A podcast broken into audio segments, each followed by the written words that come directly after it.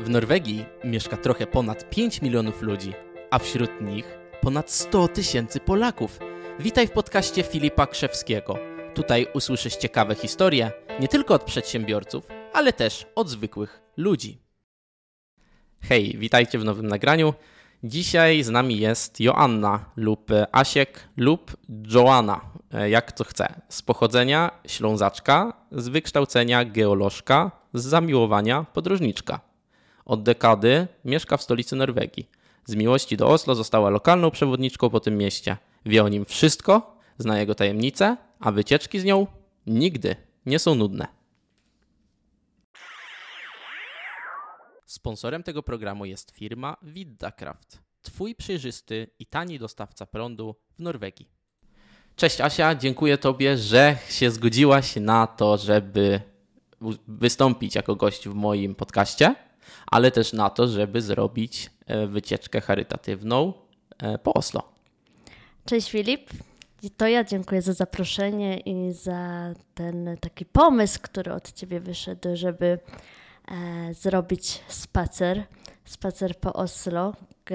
Być może nie wszyscy słyszeli, ale całkiem niedawno, bo 16 kwietnia, w niedzielę zorganizowaliśmy spacer, spacer po Oslo który miał na celu pokazać ciekawe miejsca i zakątki, które mieszkańcy e, stolicy bardzo dobrze znają, bo, bo to ścisłe centrum, ale też e, spacer miał na celu wspomóc e, chorego chłopca podopiecznego fundacji Love Dance Help. Zgadza się. I zaczęliśmy naszą wyprawę właśnie od opery. Szliśmy obok Tygrysa, szliśmy całym Kaliohanskate, czyli tą główną jakby taką ścieżką, tak, od e, Uszlu Central Station, czyli jakby głównego peronu w Oslo, e, całą tą środkiem całej tej drogi aż prawie do zamku. No tak, zrobiliśmy mały przystanek e, pod Pałacem Króla, e, żeby pomachać królowi Haraldowi i królowej e, Soni. Zgadza się. A następnie zrobiliśmy sobie też e, przejście obok przejście ratusza. koło ratusza i wchodziliśmy też do środka, bo akurat był otwarty, więc była, była taka możliwość. Zgadza się. I skończyliśmy już naszą wycieczkę przy Akierbrygge. Tak, tak, tak, przy tym cen, jak to się nazywa? Przy y, Nobla, Nobel, y, Centrum Noblowskim. Przy Centrum Noblowskim, które jest przy, tuż przy Nowym Muzeum e, Narodowym. Zgadza się. I taki spacer to jest taki właśnie od opery do, e, do Akerbrygge. E, to taki typowy, typowy spacer, który w, proponuję moim turystom, jeżeli chcą tak w pigułce coś poznać.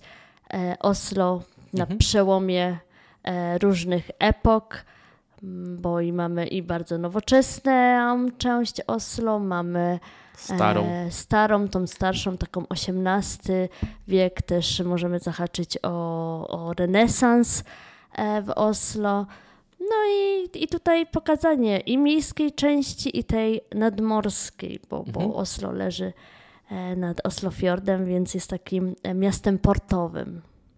Zgadza się. I też e, była właśnie zbiórka dla e, chłopca z Polski, tak, który Wiktora. miał e, dla Wiktora, który miał właśnie nowotwór, tak? Tak, z, złośliwy nowotwór mózgu. Wiktorek ma 3 lata i dwa miesiące temu okazało się, że ciężko zachorował, mhm. więc poprzez tą akcję chcieliśmy zaangażować zarówno Polaków, żeby wyszli z domu mhm. E, żeby spędzili e, niedzielne popołudnie e, na, na świeżym na, powietrzu. Na świeżym powietrzu, a przy okazji, żeby zrobić coś do, dobrego dla, dla chorego Charytatywnie. Zgadza się. Zgadza się. Było prawie 100 osób zainteresowanych i przyszło chyba 35, tak jak liczyłem, tak, tak. więc naprawdę według mnie wypad był naprawdę udany. I też ty mogłaś się pokazać jako osoba, tak? Jako przewodnik, czy y, no, no jako przewodnik właściwie. No tak, bo, bo tutaj e, być może nie wszyscy e, wiedzą, że pracuję jako lokalny przewodnik. Jest to oczywiście moja dodatkowa e, praca.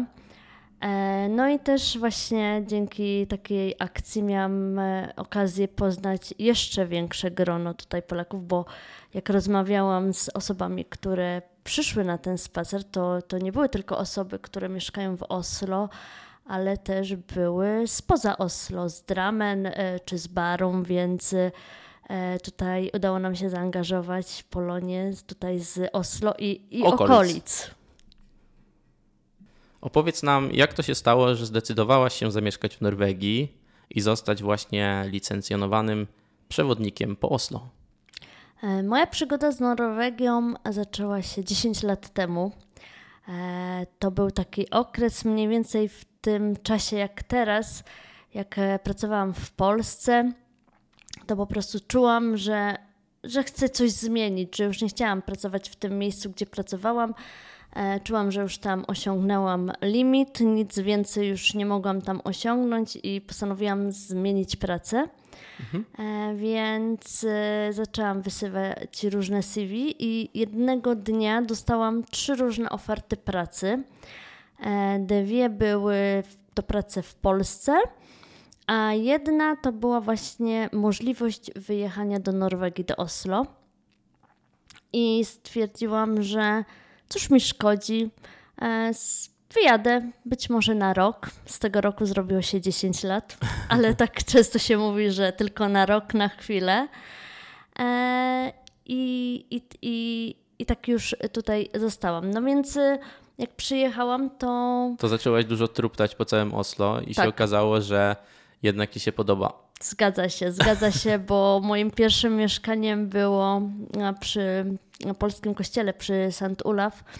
E, było taka mała, małe mieszkanko, to było taka kamieni w takiej kamienicy, takie studenckie mieszkanie, gdzie to było jedno, tam chyba było z 23 metry kwadratowe i był koniec, końcówka lipca, więc było też bardzo gorąco, jak to w tych kamienicach, więc stwierdziłam, że zacznę poznawać okolice pieszo. I tak chodziłam dookoła, chodziłam dookoła, coraz większe kółka robiłam. To był oczywiście ten czas, kiedy nie było internetu w telefonach. E, a jak był, to był bardzo drogi, nie tak jak, e, jak teraz, więc tutaj e, też musiałam sobie punkty orientacyjne różne robić. No i zaczęłam poznawać to Oslo coraz bardziej. No i się zakochałam w tym mieście i gdzieś tam już dawno mi kiełkowała ta myśl, żeby zostać przewodnikiem, ale tak nie czułam się tak na siłach. Potrzebowałam odpowiedniego e, takiej motywacji, czasu. No i jako przewodnik pracuję już e, prawie dwa lata, można powiedzieć. Mhm. A jakie było Twoje pierwsze zlecenie? E, moje pierwsze zlecenie to, e, to odezwała się do mnie e, taka firma z Polski, która organizuje jednodniowe wyjazdy po różnych miastach w Europie. I oni postanowili przyjechać do Oslo na jeden dzień, czyli rano lecieli z Polski i spędzili w Oslo 10 godzin, i wracali jakimś wieczornym e, samolotem do Polski. Więc to było moje e, pierwsze zlecenie jeszcze udało mi się je e, dostać, bo nie do mnie bezpośrednio się ta osoba odezwała, tylko do Alicji, która prowadzi profil Ladies Travel Club. Przy okazji pozdrawiam Alicję. Pozdrawiamy Alicję. I to ona jak gdyby mnie zarekomendowała i to poprzez nią e, nawiązałam kontakt e, z tą firmą. Dalej współpracujecie? Tak, dalej współpracujemy. Ja z nią bardzo dużo wyjazdów zorganizowałam. Mhm. E, bo takie jednodniowe wyjazdy bardzo dużą popularnością się cieszą. Mimo, że to są dość męczące dla tych osób, bo tak naprawdę taki jednodniowy wyjazd, z tym, że oni są w Oslo powiedzmy te 10 godzin, tak naprawdę dla nich trwa 24 godziny, licząc od momentu, tak, żeby przyjechać. Obudzić się tak. i y, potem iść spać w Polsce tak, z powrotem. Tak. A możesz y, powiedzieć, jakie to są firmy, czy chcesz... Um, nie, oczywiście mogę powiedzieć. Je, z kim współpracujesz ogólnie? Współpracuję z Venuatur. To jest właśnie ta, która organizuje, to oni nazywają odlotowy dzień. Mhm. Odlotowy dzień Venuatur. E, moim bardzo dużym klientem jest również Rainbow. Z tym, że oni e, już organizują takie objazdówki po Norwegii, no i w swoim planie mają zawsze Oslo. Współpracuję też z Itaką, no i oczywiście z mniejszymi biurami oraz z klientem indywidualnym, bo jeżeli jakieś osoby prywatne, czy jakieś takie mniejsze Wycieczka grupy... jakaś szkolna. Tak. Ostatnio na przykład miałam taką wycieczkę, to były y, dziewczynki, które są akrobatyczkami mhm. e, i one przyjechały tutaj z, w ramach e, takich wyjazdu sponsorowanego przez Urząd Miasta Świętochłowice, czyli też ze Śląska. E, I przyjechały sobie tutaj na, na trzy dni i e, jeden dzień e, z nimi spędziłam tam parę godzin. A możesz mi opowiedzieć, jakie są Twoje ulubione miejsca w Oslo, które warto zobaczyć, zarówno dla turystów, tak, ale też dla osób, które tutaj mieszkają, bo tak z mojego widzenia, po prostu doświadczenia, tak jak obserwuję, to nie wszyscy tak naprawdę tutaj dookoła jeszcze poobchodzili te miejsca i nie do końca mhm. wiedzą, co wszystko znaczy. Więc jakie to są twoje takie, wiesz, perełki? Moją, moim takim ulubionym miejscem, które tak chyba tam, gdzie zaczęła się moja miłość e, do, do Oslo, do Norwegii, to jest Park Ekeberg. On jest po wschodniej stronie miasta Oslo z widokiem na fiord. E, z parku Ekeberg rozpościera się widok na, na całe miasto. E, można podziwiać piękne zachody słońca nad Oslofjordem, e, więc tak, Park Ekeberg też jest dlatego tak w moim sercu, bo, bo ja bardzo jestem zafascynowana twórczością i życiem Edwarda Muncha, który jest chyba najsłynniejszym malarzem norweskim. Też jak spaceruję z moimi turystami, to też odkrywam nowe miejsca. E, I e, takim kiedyś wydawało mi się, że park Wigelanda z tymi rzeźbami, no park jak park, zawsze mi się wydawało, że tam jest tak dużo ludzi, bo to takie najpopularniejsze miejsce, takie must see, jak się przyjeżdża do, do Norwegii, do Oslo. Do Oslo. Mhm.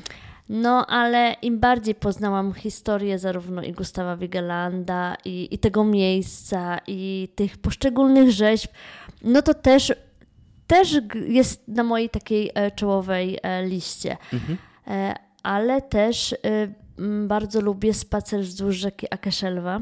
Akeszelwa mhm. ma prawie 10 kilometrów. Można zrobić sobie taką jednodniową wycieczkę z, po drodze zobaczyć e, wodospady na, na tej rzece, zahaczyć o miejsca, e, o Madhalen, gdzie można e, spróbować jakichś lokalnych kuchni, czy też kuchni z całego świata. Tutaj... Sera, szynki, o, tak, ryby. To tam po prostu dla fanów kulinarnych miejsce, które warto odwiedzić i posmakować. No i e, też e, spacer wzdłuż Szelwy to jest też takie miejsce, że tutaj można sobie gdzieś przysiąść. Na przykład w niedzielę jest ten targ staroci na Blo, który też jest takim ciekawym miejscem. Są jakieś koncerty, więc tak, rzeka Akaszelwa też jest moim takim e, mhm. miejscem w spacerowym. Parku, w parku Ekeberg mam dwie takie ciekawostki z mojego doświadczenia mhm. w parku Ekeberg. Tam są też sztuczne mgły robione. Tak. To tak. jest taka ciekawostka, można e, to chyba dwa razy dziennie, tak? E, to jest e, na, w weekend jest częściej, bo tam chyba co godzinę, co pół godziny. A, a na tygodniu właśnie chyba jest tylko dwa razy, dwa razy dziennie, ale jest właśnie robiona taka instalacja, która wypuszcza taką mgłę i, i taki jeszcze tam są te stare drzewa i, i taki jest klimat y, taki właśnie skandynawski. Taki, taka narnia. Taka narnia, tak, tak, tak. A jeżeli chodzi o właśnie Park Wigilanda, to tam jest taka statuetka małego dzieciaka, mhm. który taki jest y, Sinna... Sinna Tangen. Sinna Tangen, tak. tak. Czyli I... taki złoś, złośnik. Tak, i ponoć wiele razy ta statuetka przez lata, lata, lata została skradziona. Mhm. I teraz niedawno włożyli GPS-a do tej statuetki. Tak, e, bo, bo mm, to jest najpopularniejsza rzeźba Gustawa Wigelanda, taki mały, rozzłoszczony chłopczyk, który stoi na jednej nodze. wszyscy, wszyscy chcą go zobaczyć, wszyscy go znają. Dotknąć. E, dotknąć. E, ostatnia e, taka kradzież e, miała miejsce dokładnie dwa lata temu na Wielkanoc. E, pracownicy, pracownicy, którzy tam sprawdzają park, bo to jest park, który jest otwarty 24 godziny na dobę przez cały rok. Tak. E, ale tam są pracownicy, którzy sprawdzają, dbają o czystość, czy wszystko jest w porządku. Właśnie w któryś wielkanocny mm, poranek przy swojej takiej rundzie zobaczyli, że ktoś próbował odpiłować e, stopę, e, nogę małego złośnika i, i, i, go ukraść, ale się nie udało. Ale tutaj dlaczego się nie udało? Być może ktoś ich spłoszył, ale też taką małą ciekawostkę, że powie, bo już kilka razy wcześniej, tak jak wspominałeś, były próby kradzieży i nawet się udawało ukraść, ale jak się odzyskiwało, to oni wmontowali oprócz GPS-u, to w tej nodze, na której on stoi, jest wmontowany metalowy pręt, który ma zabezpieczyć, żeby nie było tak łatwo odciąć tej jego stopy, tej jego nogi, na której stoi, żeby po prostu. To już takie tutaj chcesz e, dawać e, pomysły? Nie, no nie, ale można, jak, jak będziecie kiedyś w parku Wiegelanda, to możecie się przyjrzeć e, tej nodze, na której stoi. E, mały złośnik i tam są takie ślady po, po jakiejś pile do, do cięcia, bo tak. to są z brązu, mhm. więc tam e, do cięcia e, metali to są takie, takie A kradzieży jeszcze ślady. ponoć było więcej, bo kradzieży też były, zostały ukradzione ponoć obrazy tak. w 94. Pamiętam z naszej podróży tak. z y, Muzeum Narodowego. Tak. To też możesz tak, taką szybką tak. ciekawostkę no, i przechodzimy tak. do następnego. No, dawaj szybko. E, to taką, e, e, wiadomo, Edward Mu kojarzy nam się z obrazem Krzyk. Chyba najsłynniejszy obraz i też taki charakterystyczny. Więc e, jak w 1994 roku była inauguracja, otwarcie olimpiady w Lillehammer i wszystkie oczy były skierowane w kierunku Lillehammer, to właśnie w Galerii Narodowej e, dwóch złodziei podstawiło sobie drabinę e, pod okno, weszło przez okno do muzeum, ściągnęli ze ściany zarówno obraz Krzyk, jak i obraz Madonna i na miejscu, gdzie wisiał krzyk, zostawili e, pocztówkę, taką kartkę, Kartka. gdzie napisali e, dziękujemy za słabą ochronę. I, I, dokładnie 10 lat później, w 2004 roku, e, tym razem z Muzeum Munhanatojen, z tego starego Muzeum Munhanatojen, w ten sam sposób, czyli też przez okno, wszedł złodziej i tak samo ukradł obraz krzyk. Na szczęście obydwa obrazy się odnalazły. Ten z 94 po dwóch, trzech miesiącach złodziej po prostu przyszedł z tym obrazem pod pachą na posterunek policji i, i żeby po prostu oddać. Widocznie stwierdził, że nie pasuje mu być może w mieszkaniu. Albo ciężko go sprzedać. No to na pewno, to na pewno. Oslo słynie z pięknych muzeów i atrakcji kulturalnych. Jakie muzea czy wydarzenia kulturalne szczególnie polecasz odwiedzić podczas pobytu w stolicy Norwegii? Na pewno, będąc w stolicy Norwegii, to polecam te dwa nowo otwarte muzea. Jedno jest na Biorwicy, tuż za operą, e, Muzeum Muncha. Jest to 13-piętrowe muzeum, e, które zostało całkiem niedawno otwarte, bo rok temu. I jest to muzeum w całości poświęcone tylko dla jednego e, arty e, malarza, artysty. I to jest jedyne takie typu muzeum na świecie, czyli na tych 13 piętrach możemy zobaczyć wszystkie prace Edwarda Muncha, jakie zapisał w testamencie e, Chrystiani e, Oslo, bo Oslo kiedyś nazywało się Chrystiania. E, I e, tam to też jest takie miejsce, bo na przykład do Muzeum Muncha e, można też wjechać na 13 piętro i z 13 piętra podziwiać panoramę na, Całe na Oslo, Oslo na, na okolice. To też jest dość ciekawe, tym bardziej, że to muzeum te wyższe piętra są pod lekkim skosem, więc też jest takie uczucie, jak się podejdzie bliżej, e, bliżej okna, że tak widzimy w dole, więc dla osób z lekkim lękiem wysokości, czy tam lękiem Będzie przestrzeni, może być trochę adrenaliny. Tak, ale też um, nowo otwarte e, muzeum tutaj na Bior, e, nie na Biorwice, tylko na Akerbrygge. Mhm. To jest e, National Museum, czyli Muzeum Narodowe. E, to jest muzeum, e, które jest z kolei największym muzeum dla krajów nordyckich, wśród krajów nordyckich, czyli tutaj Danii, Szwecji, Finlandii, Islandii. E, też jest całkiem nowo otwarte. E, w 2020 e, roku zostało otwarte. Zresztą ten budynek tego muzeum, tam możemy oprócz obrazów zobaczyć też na przykład dawne ubrania, możemy zobaczyć wystrój wnętrz z, aż z, przez, z dawnych, dawnych czasów aż do współczesności, bo to jest i nie tylko jeżeli chodzi o obrazy, ale też o, o całą, całą sztukę. I możemy zobaczyć, jak na przestrzeni, na przestrzeni lat w Norwegii, czego używano, jak wchodziły wystrój wnętrz, jakie sprzęty były używane. Ale jeżeli się tyczy znowu samego tylko Muzeum Narodowego, to ten budynek w trakcie budowy wywołał wiele kontrowersji bo pamiętam, był taki artykuł na pierwszej stronie e, dziennika Aftenposten, e, gdzie było to zdjęcie tego muzeum i e, było pytanie, czy to jest nowe muzeum, czy nowe więzienie, bo patrząc na fasadę i to, jak on wygląda, to taki tutaj... trochę smutne, smutny wygląd tego budynku. Tak, z zewnątrz nie podoba mi się to muzeum, ta, jeżeli tak e, miałabym wyrazić swoje zdanie, ale w środku tam można spędzić cały dzień chodząc. E, cały dzień? Po, po tych wszystkich a mają, wystawach. A mają też takie, mają też swoją jakąś restaurację w środku? Coś tam tak, zjesz? Tam, e, tak, tam są, jest i kawiarnia i, i taka restauracja. A wejściówki? To... Wejściówki do tego, mm, do tych muzeum?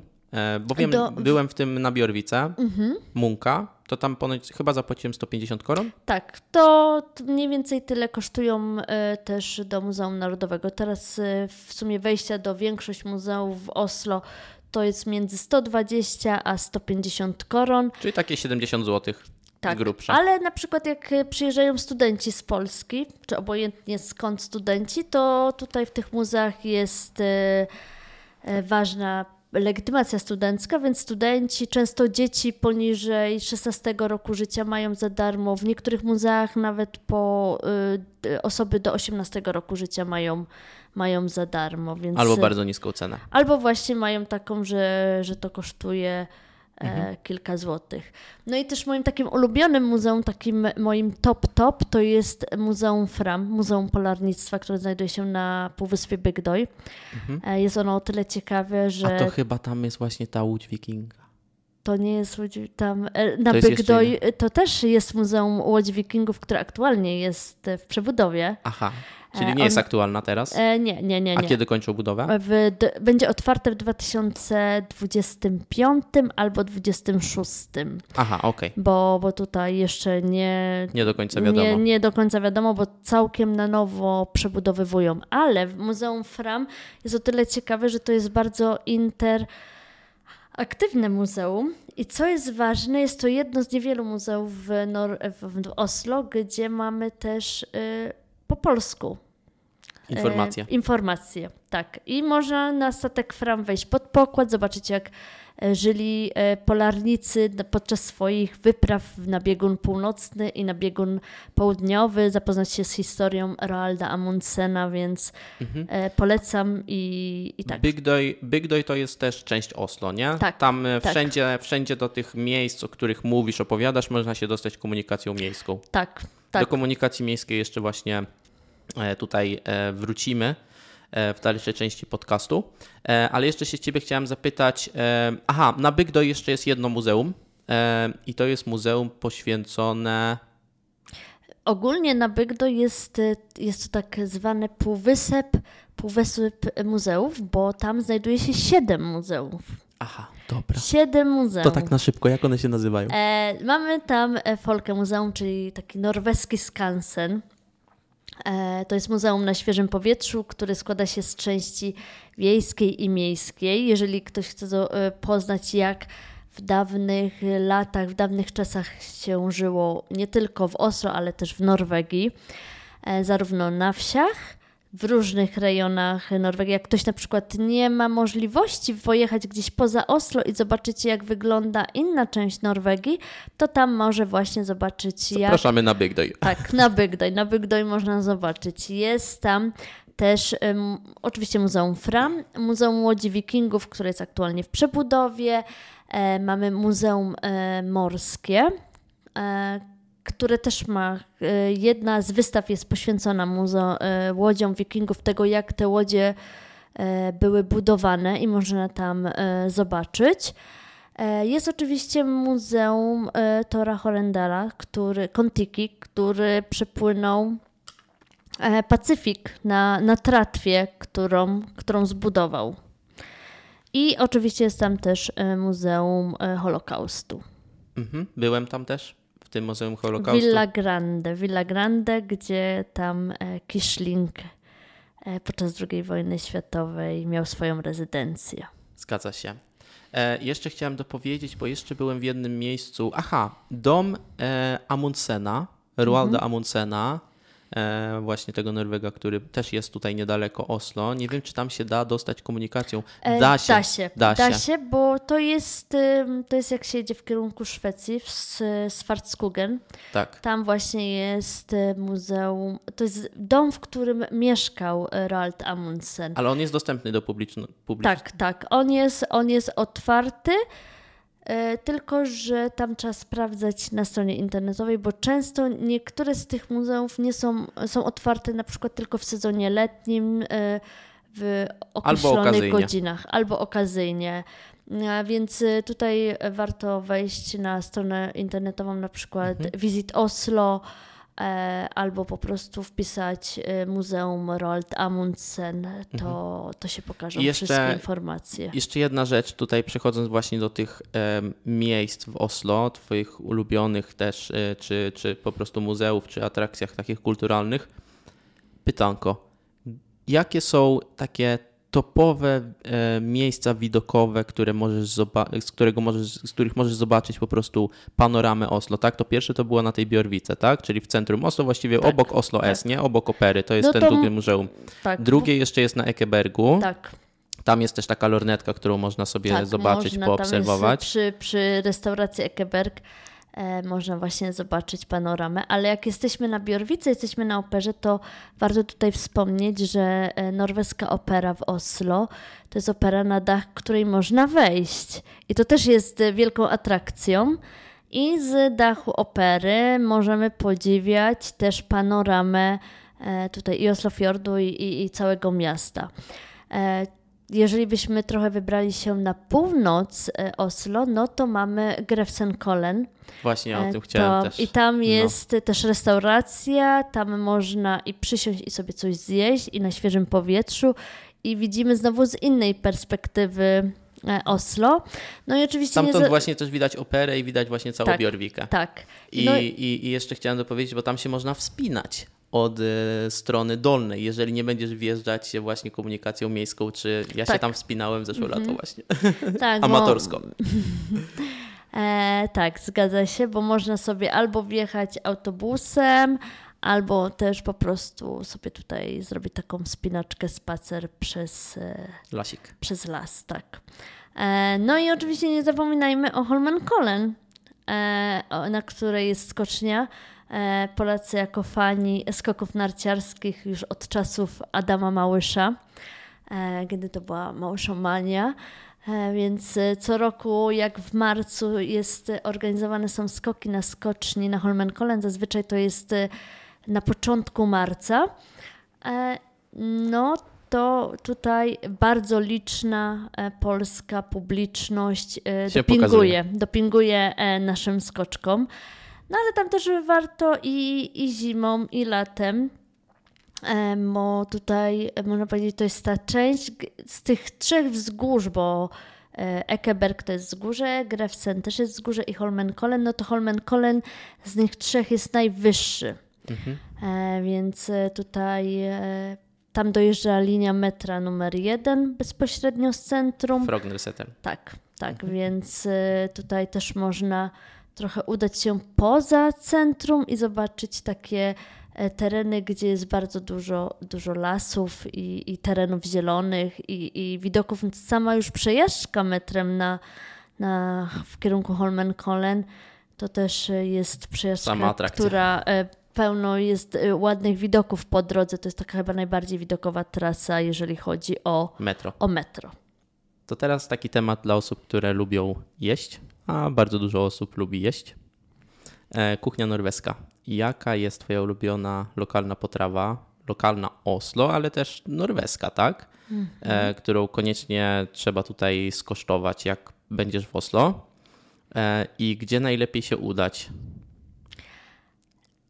Norwegia oczywiście kojarzy się z łososiem. Łosoś norweski jest chyba znany na, na całym świecie i też jak wiemy, jak przyjeżdżają e, turyści e, z Polski, to zawsze takie jest pytanie, że oni by chcieli spróbować norweskiego łososia, czy mogę im coś polecić, e, jakie miejsce im polecić. Więc takim miejscem to Akerbrygge.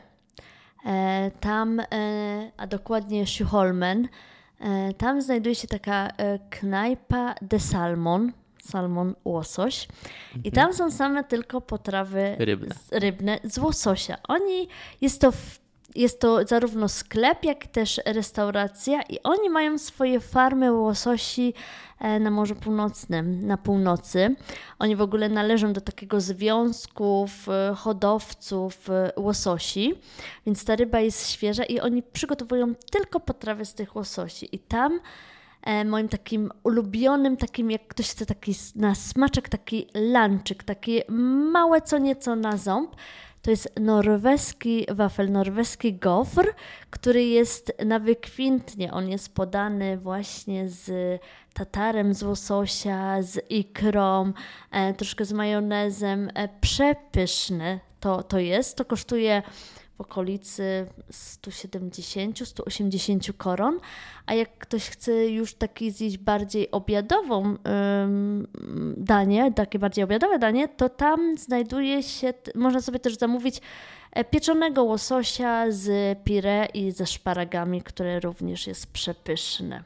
I koszt takiego łososia to już. To już jest tak 230-250 koron mniej więcej trzeba, trzeba liczyć za, za, za taki właśnie e, obiad. obiad. Tak. Ale oczywiście nie możemy zapomnieć o zupie rybnej. Jestem wielką fanką e, norweskiej zupy rybnej i mam dwa takie ulubione e, miejsca. Jedno to jest w Mathallen na wulkanie. Tam jest. Właśnie e, jedno z tych miejsc, e, gdzie podają zupę rybną. E, jak ktoś pójdzie na spacer wzdłuż Akeszelwy, zgłodnieje, to może właśnie do Mathalen wstąpić na zupę rybną. A będąc w centrum, to na Jungstorget jest Fiskeriet. Tam jest, to też jest, to jest też takie miejsce połączone sklep z, z restauracją, bo można tam wejść i kupić świeżą rybę.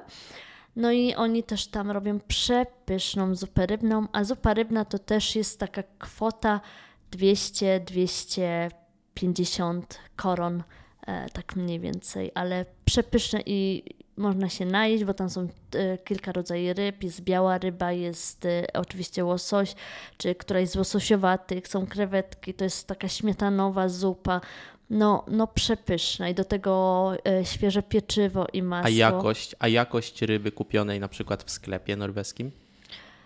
Jeżeli masz kuchnię, tutaj przyjedziesz, na przykład masz mieszkanie Airbnb? No to ja tutaj uważam, że jest, że jest dobra.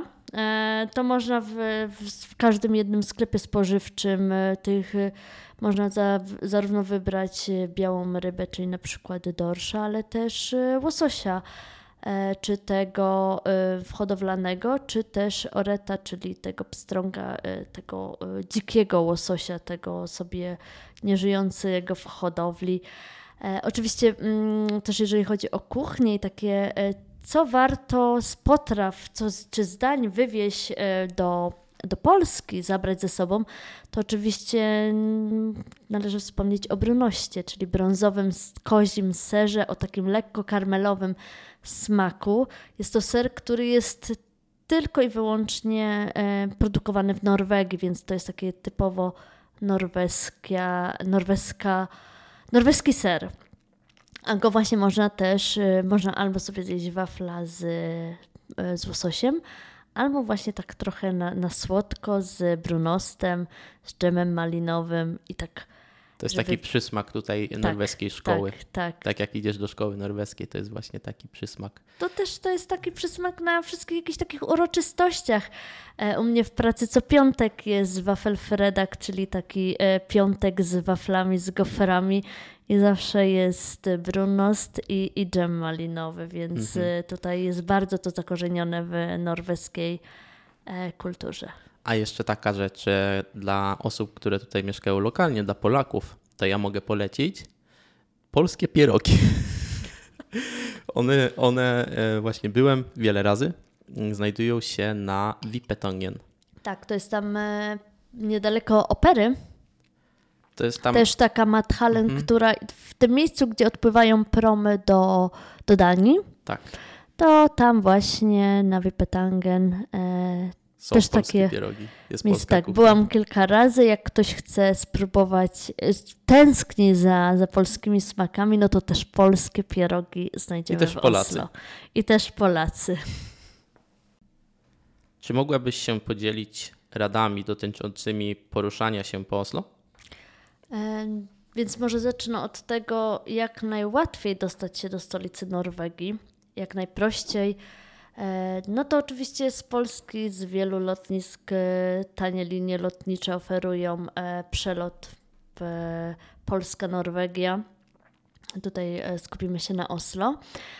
Oslo posiada dwa lotniska. Jedno jest dalej położone, to jest lotnisko Sandefjord Torp, które jest 100-120 km od Oslo. E, drugie jest bliżej, to jest Gardermoen. Ono jest jakieś 60 km, 40-60 km, tak mniej więcej mhm. od Oslo. I e, tutaj, jakbyśmy wylądowali na lotnisku Torp, to jak chcielibyśmy tak w miarę budżetowo, bo to mm, chodzi o to, żeby jak najtaniej też e, tutaj Wycieczkę jak najkorzystniej sobie zorganizować, to można na przykład y, zabrać się z polskimi przewoźnikami. E, jest tu kilka firm, które oferują takie przewozy e, właśnie z lotniska pod wskazany adres, czy to w centrum Oslo, czy gdzieś już pod dany hotel, czy, czy miejsce, gdzie, gdzie nocujemy. Można to wpisać w, w Google e, przejazd y, Pols Polska, polski bus, czy PKS Oslo, czy y, polski przewoźnik y, Oslo Torp, Oslo Torp i, mhm. i tutaj nam wyskoczą, wyskoczą różne firmy. Oczywiście też jest możliwość dostania się komunikacją miejską, bo zarówno autobus jeździ z Oslo Torp, ale też pociąg, tylko że pociąg jest o tyle uciążliwy, że tam trzeba podjechać tym bezpłatnym autobusem mm, z, e, z lotniska na stację. na stację. Tylko, że akurat e, ten pociąg nie jest dopasowany do tego, jak są e, ustawione loty, więc łatwiej jest albo właśnie z tymi polskimi przewoźnikami, albo Torp Expressen, który nas zawiezie bezpośrednio na główny dworzec tutaj w Oslo, w same ścisłe centrum. E, innym lotniskiem już przeze mnie wspomnianym jest e, Gardermoen. No to tutaj najprościej i najszybciej to jest pociąg. Pociąg jedzie 25 minut e, i to są dwie, dosłownie dwie stacje. Wsiadamy na lotnisku, nie musimy nigdzie przechodzić, bo po prostu stacja znajduje się pod lotniskiem i wysiadamy również na głównym dworcu w Oslo. W Oslo. jak już jesteśmy w centrum, no to Oslo ma zarówno autobusy, tramwaje, e, metro, e, też ma te pływające stateczki po Oslofjordzie i to wszystko jest w ramach jednego biletu e, jednorazowego. E, tak więc e, tutaj poruszanie się po Oslo jest e, bardzo, no bardzo łatwe. Oczywiście Oslo nie jest taką, by się wydawało, bardzo dużą stolicą, a wszystkie te najważniejsze atrakcje są skumulowane w centrum, więc oczywiście można spacerować. To jest chyba naj, najłatwiejszy i najprostszy sposób, żeby poznać jakiekolwiek miasto po prostu spacerując tutaj można zaglądać w przeróżne uliczki, e, znajdywać jakieś e, ciekawe zakamarki, e, mhm. jakieś e, tutaj nie tylko centrum, ale też od centrum, od tych głównych ulic odchodzą e, ciekawe małe uliczki, które też kryją e, wiele ciekawostek. A jeżeli chodzi o takie poruszanie się komunikacją miejską, to wystarczy tylko jedna aplikacja, nie? Tak, tutaj można tylko sobie. Właśnie łatwo jest mieć aplikację e, router. router. I tam nie dość, że możemy poprzez tą aplikację kupić sobie bilet, to również ona nam podpowie, wystarczy, że wpiszemy, na przykład chcemy jechać z tego miejsca, gdzie teraz się znajdujemy, na skocznie Holmenkollen i aplikacja nam powie, gdzie znajduje się najbliższy przystanek, skąd odjeżdża, jak tam się dostać. Pokazuje tobie właściwie, napiszesz na przykład e, z mojej pozycji teraz, pokazuje tobie trasę, którą musisz przedreptać do tego peronu czy do tego tak. miejsca i tak. potem e, ewentualnie gdzie zmienić autobus, czy gdzie tak. zmienić z metro na autobus, czy z metra i tam możesz też filtrować. Różne są opcje filtrowania. Czy chcesz jechać tylko autobusem, czy tak. chcesz jechać tylko metrem, czy e, jeżeli ktoś się boi jechać metrem, to może ominąć sobie metro e, i naprawdę jest dosyć czytelna. Aplikacja jest chyba też w języku angielskim, nie? Tak, e, aplikacja jest i po norwesku, i po angielsku i po, to podpina się tylko kartę, e, kartę bankomatową. I można sobie kupić na jeden dzień bilet, na dwa tak. tygodnie chyba, na tydzień. E, bilety są e, jednorazowy, jest 24-godzinny, jest chyba tygodniowy. tygodniowy, no i miesięczny. Mhm. Wszystko zależy oczywiście od tego, jak długo jesteśmy w Oslo i czy będziemy się poruszać pieszo i tylko czasami sobie gdzieś e, podjechać. Więc e, tutaj to już taka indywidualna kwestia, kto jaki sobie bilet wybierze. No i warto mieć te bilety, bo, bo kontroli właśnie w okresie wakacyjnym bardzo sporo jest kontroli. A ile taki bilet za kontrolę, ile zapłacisz? Za, za mandat to jest chyba minimum 1200 koron, czyli około 600 zł, więc no. Więc le, a, a bilet, e, bilet taki jednorazowy kosztuje 40 koron. 20 koron. zł. No. I to jest jednorazowy na godzinkę, nie? Tak, na godzinkę albo na całą trasę przejazdu, albo można warto sobie Warto sobie chyba wrzucić w budżet po prostu ten bilet, nie? Na ten tak. okres czasu, na ile, ile będziesz, czy to będziesz na przykład, albo sobie przekalkulować, czy kupować ciągle jeden, tak? Mhm. Czy kupić na przykład jeden na cały tydzień i już masz to wszystko z głowy, nie? E, no tak, bo jeżeli na przykład ktoś tutaj będzie tylko powiedzmy trzy dni i, stwierdzi, że jednego dnia może sobie tak zaplanować wyjazd, że jednego dnia pojedzie gdzieś dalej poza, poza Oslo i wtedy mu ten bilet się przyda, a w pozostałe dwa dni będzie tylko tutaj się pomieszczał po centrum i wszystko przejdzie na własnych nogach.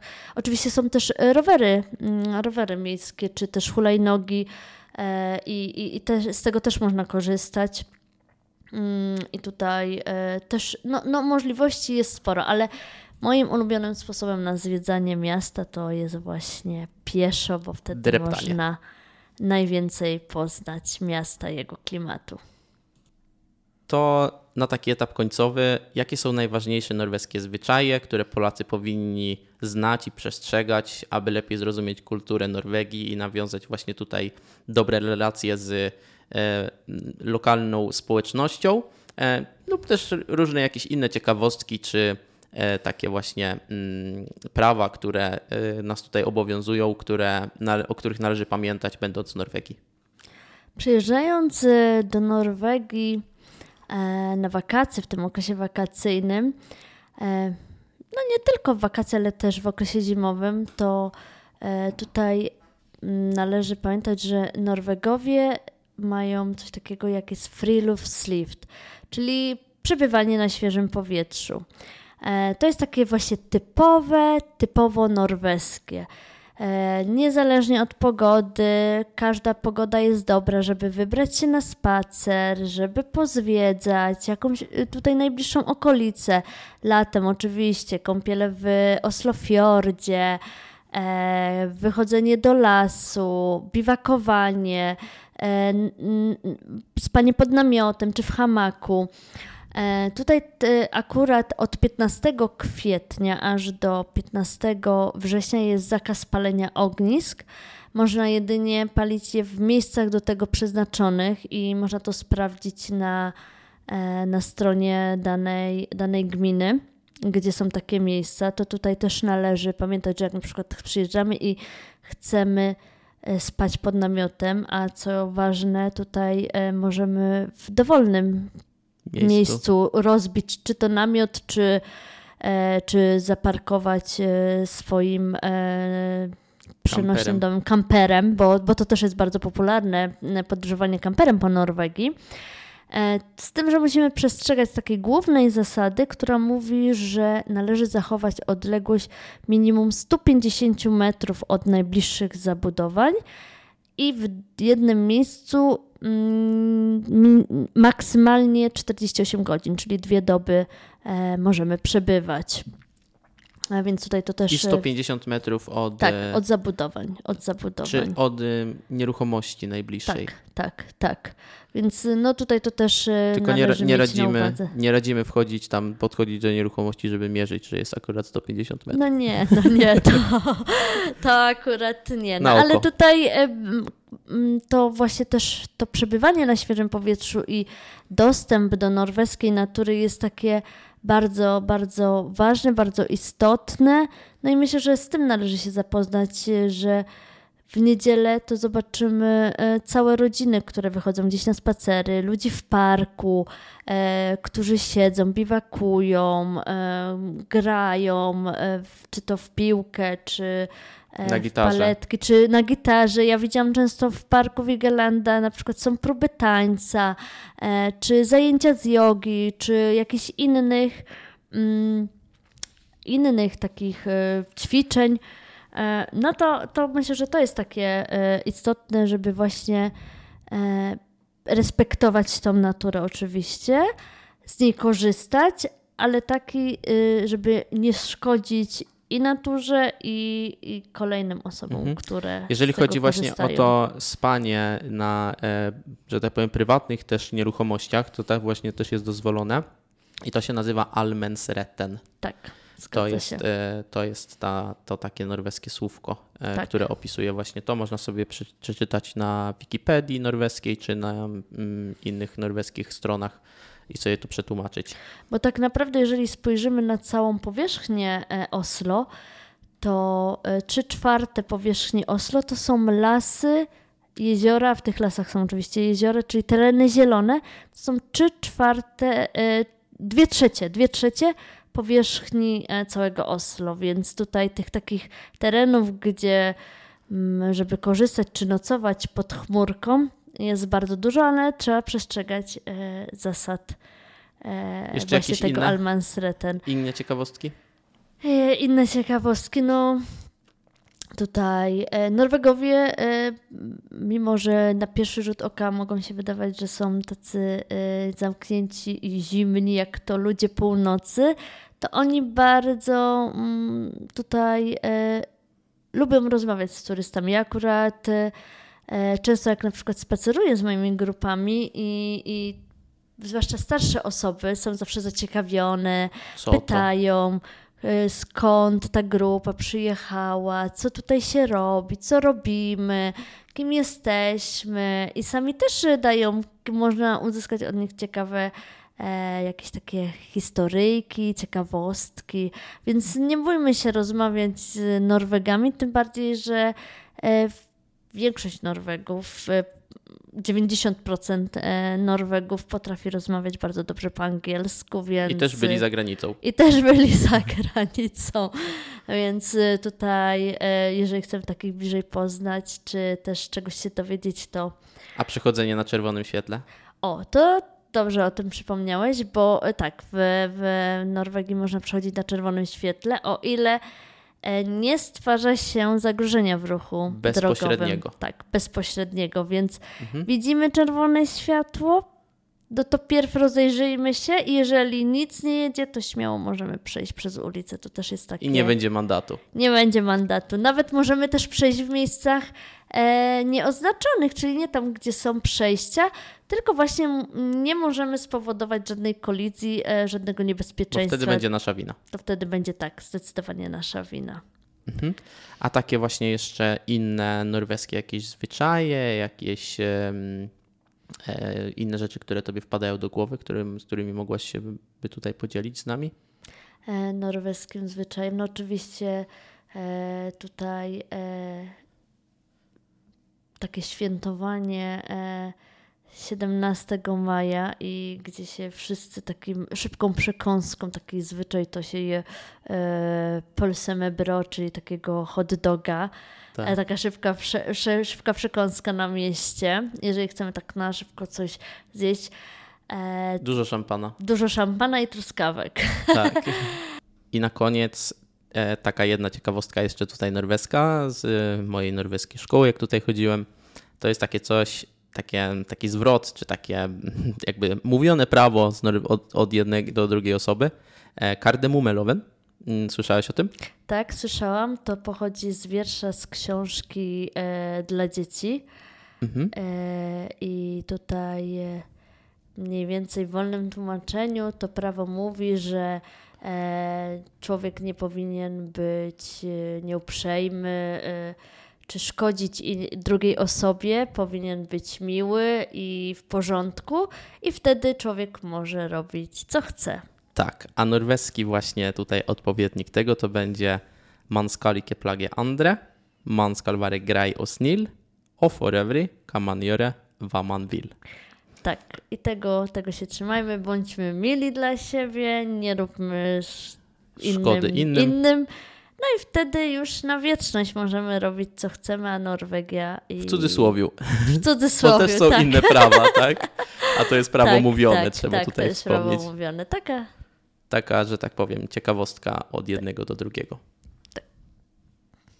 Dziękuję Tobie, Joanno, że chciałaś wystąpić w moim podcaście. E, na zakończenie chciałem e, Ciebie zapytać, czy jest możliwość skontaktowania się z Tobą i czy to jest tylko, czy to jest na przykład tylko dla wycieczek, czy większej grupy osób, czy też można ewentualnie mm, prywatnie e, z Tobą przeprowadzić taki, taką oprowadzkę po Oslo i ewentualnie jaki to jest koszt? E, tutaj ze mną e, można zarówno grupo, grupowo, ale też jest możliwość zamówienia sobie takiego indywidualnego spaceru. E, może to być spacer tematyczny, e, może to być spacer szlakiem Harego Hule, norweskiego, e, norweskiego komisarza z książek UNESCO, może to być szlakiem architektury, no przeróżne tematy. Wszystko jak gdyby indywidualnie wtedy dopracowywuje taki plan. I, go, I też czasowo to już zależnie od potrzeby turysty. E, koszt, e, no to tutaj e, cena jest między 200 a 250 koron od osoby, ale to już tutaj indywidualnie wtedy robię wycenę, bo to zależy, czy to jak duża jest to, to grupa, czy to jest mniejsza grupa, większa. Ile czasu Wam zleci? Ile tak, i też ile, mhm. ile, czasu, ile czasu na to będzie poświęcone. Mhm. Super. Dziękuję Tobie jeszcze raz, że właśnie wystąpiłaś w moim podcaście, że miejmy nadzieję, że ten podcast, to nagranie da ludziom, którzy, czy turystom, czy też osobom, którzy, którzy tutaj mieszkają, dużo wartości i mm, inspiracji do tego, żeby po prostu sobie tutaj popodróżować, zobaczyć e, i e, ewentualnie z Tobą się też skontaktować. Tak, mo można się ze mną skontaktować. Najprościej e, na moim Instagramie norweski podłoga niecodziennik. Tam często też wrzucam różne takie polecajki, ciekawostki, tutaj co się dzieje w Oslo, gdzieś jakieś gratisowe wejścia do jakichś muzeów czy inne akcje, atrakcje. E, no i oczywiście też e, poprzez mojego maila, ale tutaj wszystkie informacje znajdziecie w opisie do tego podcastu. Zgadza się. Dziękuję Tobie, Żółwik. Ja również dziękuję, było mi bardzo miło.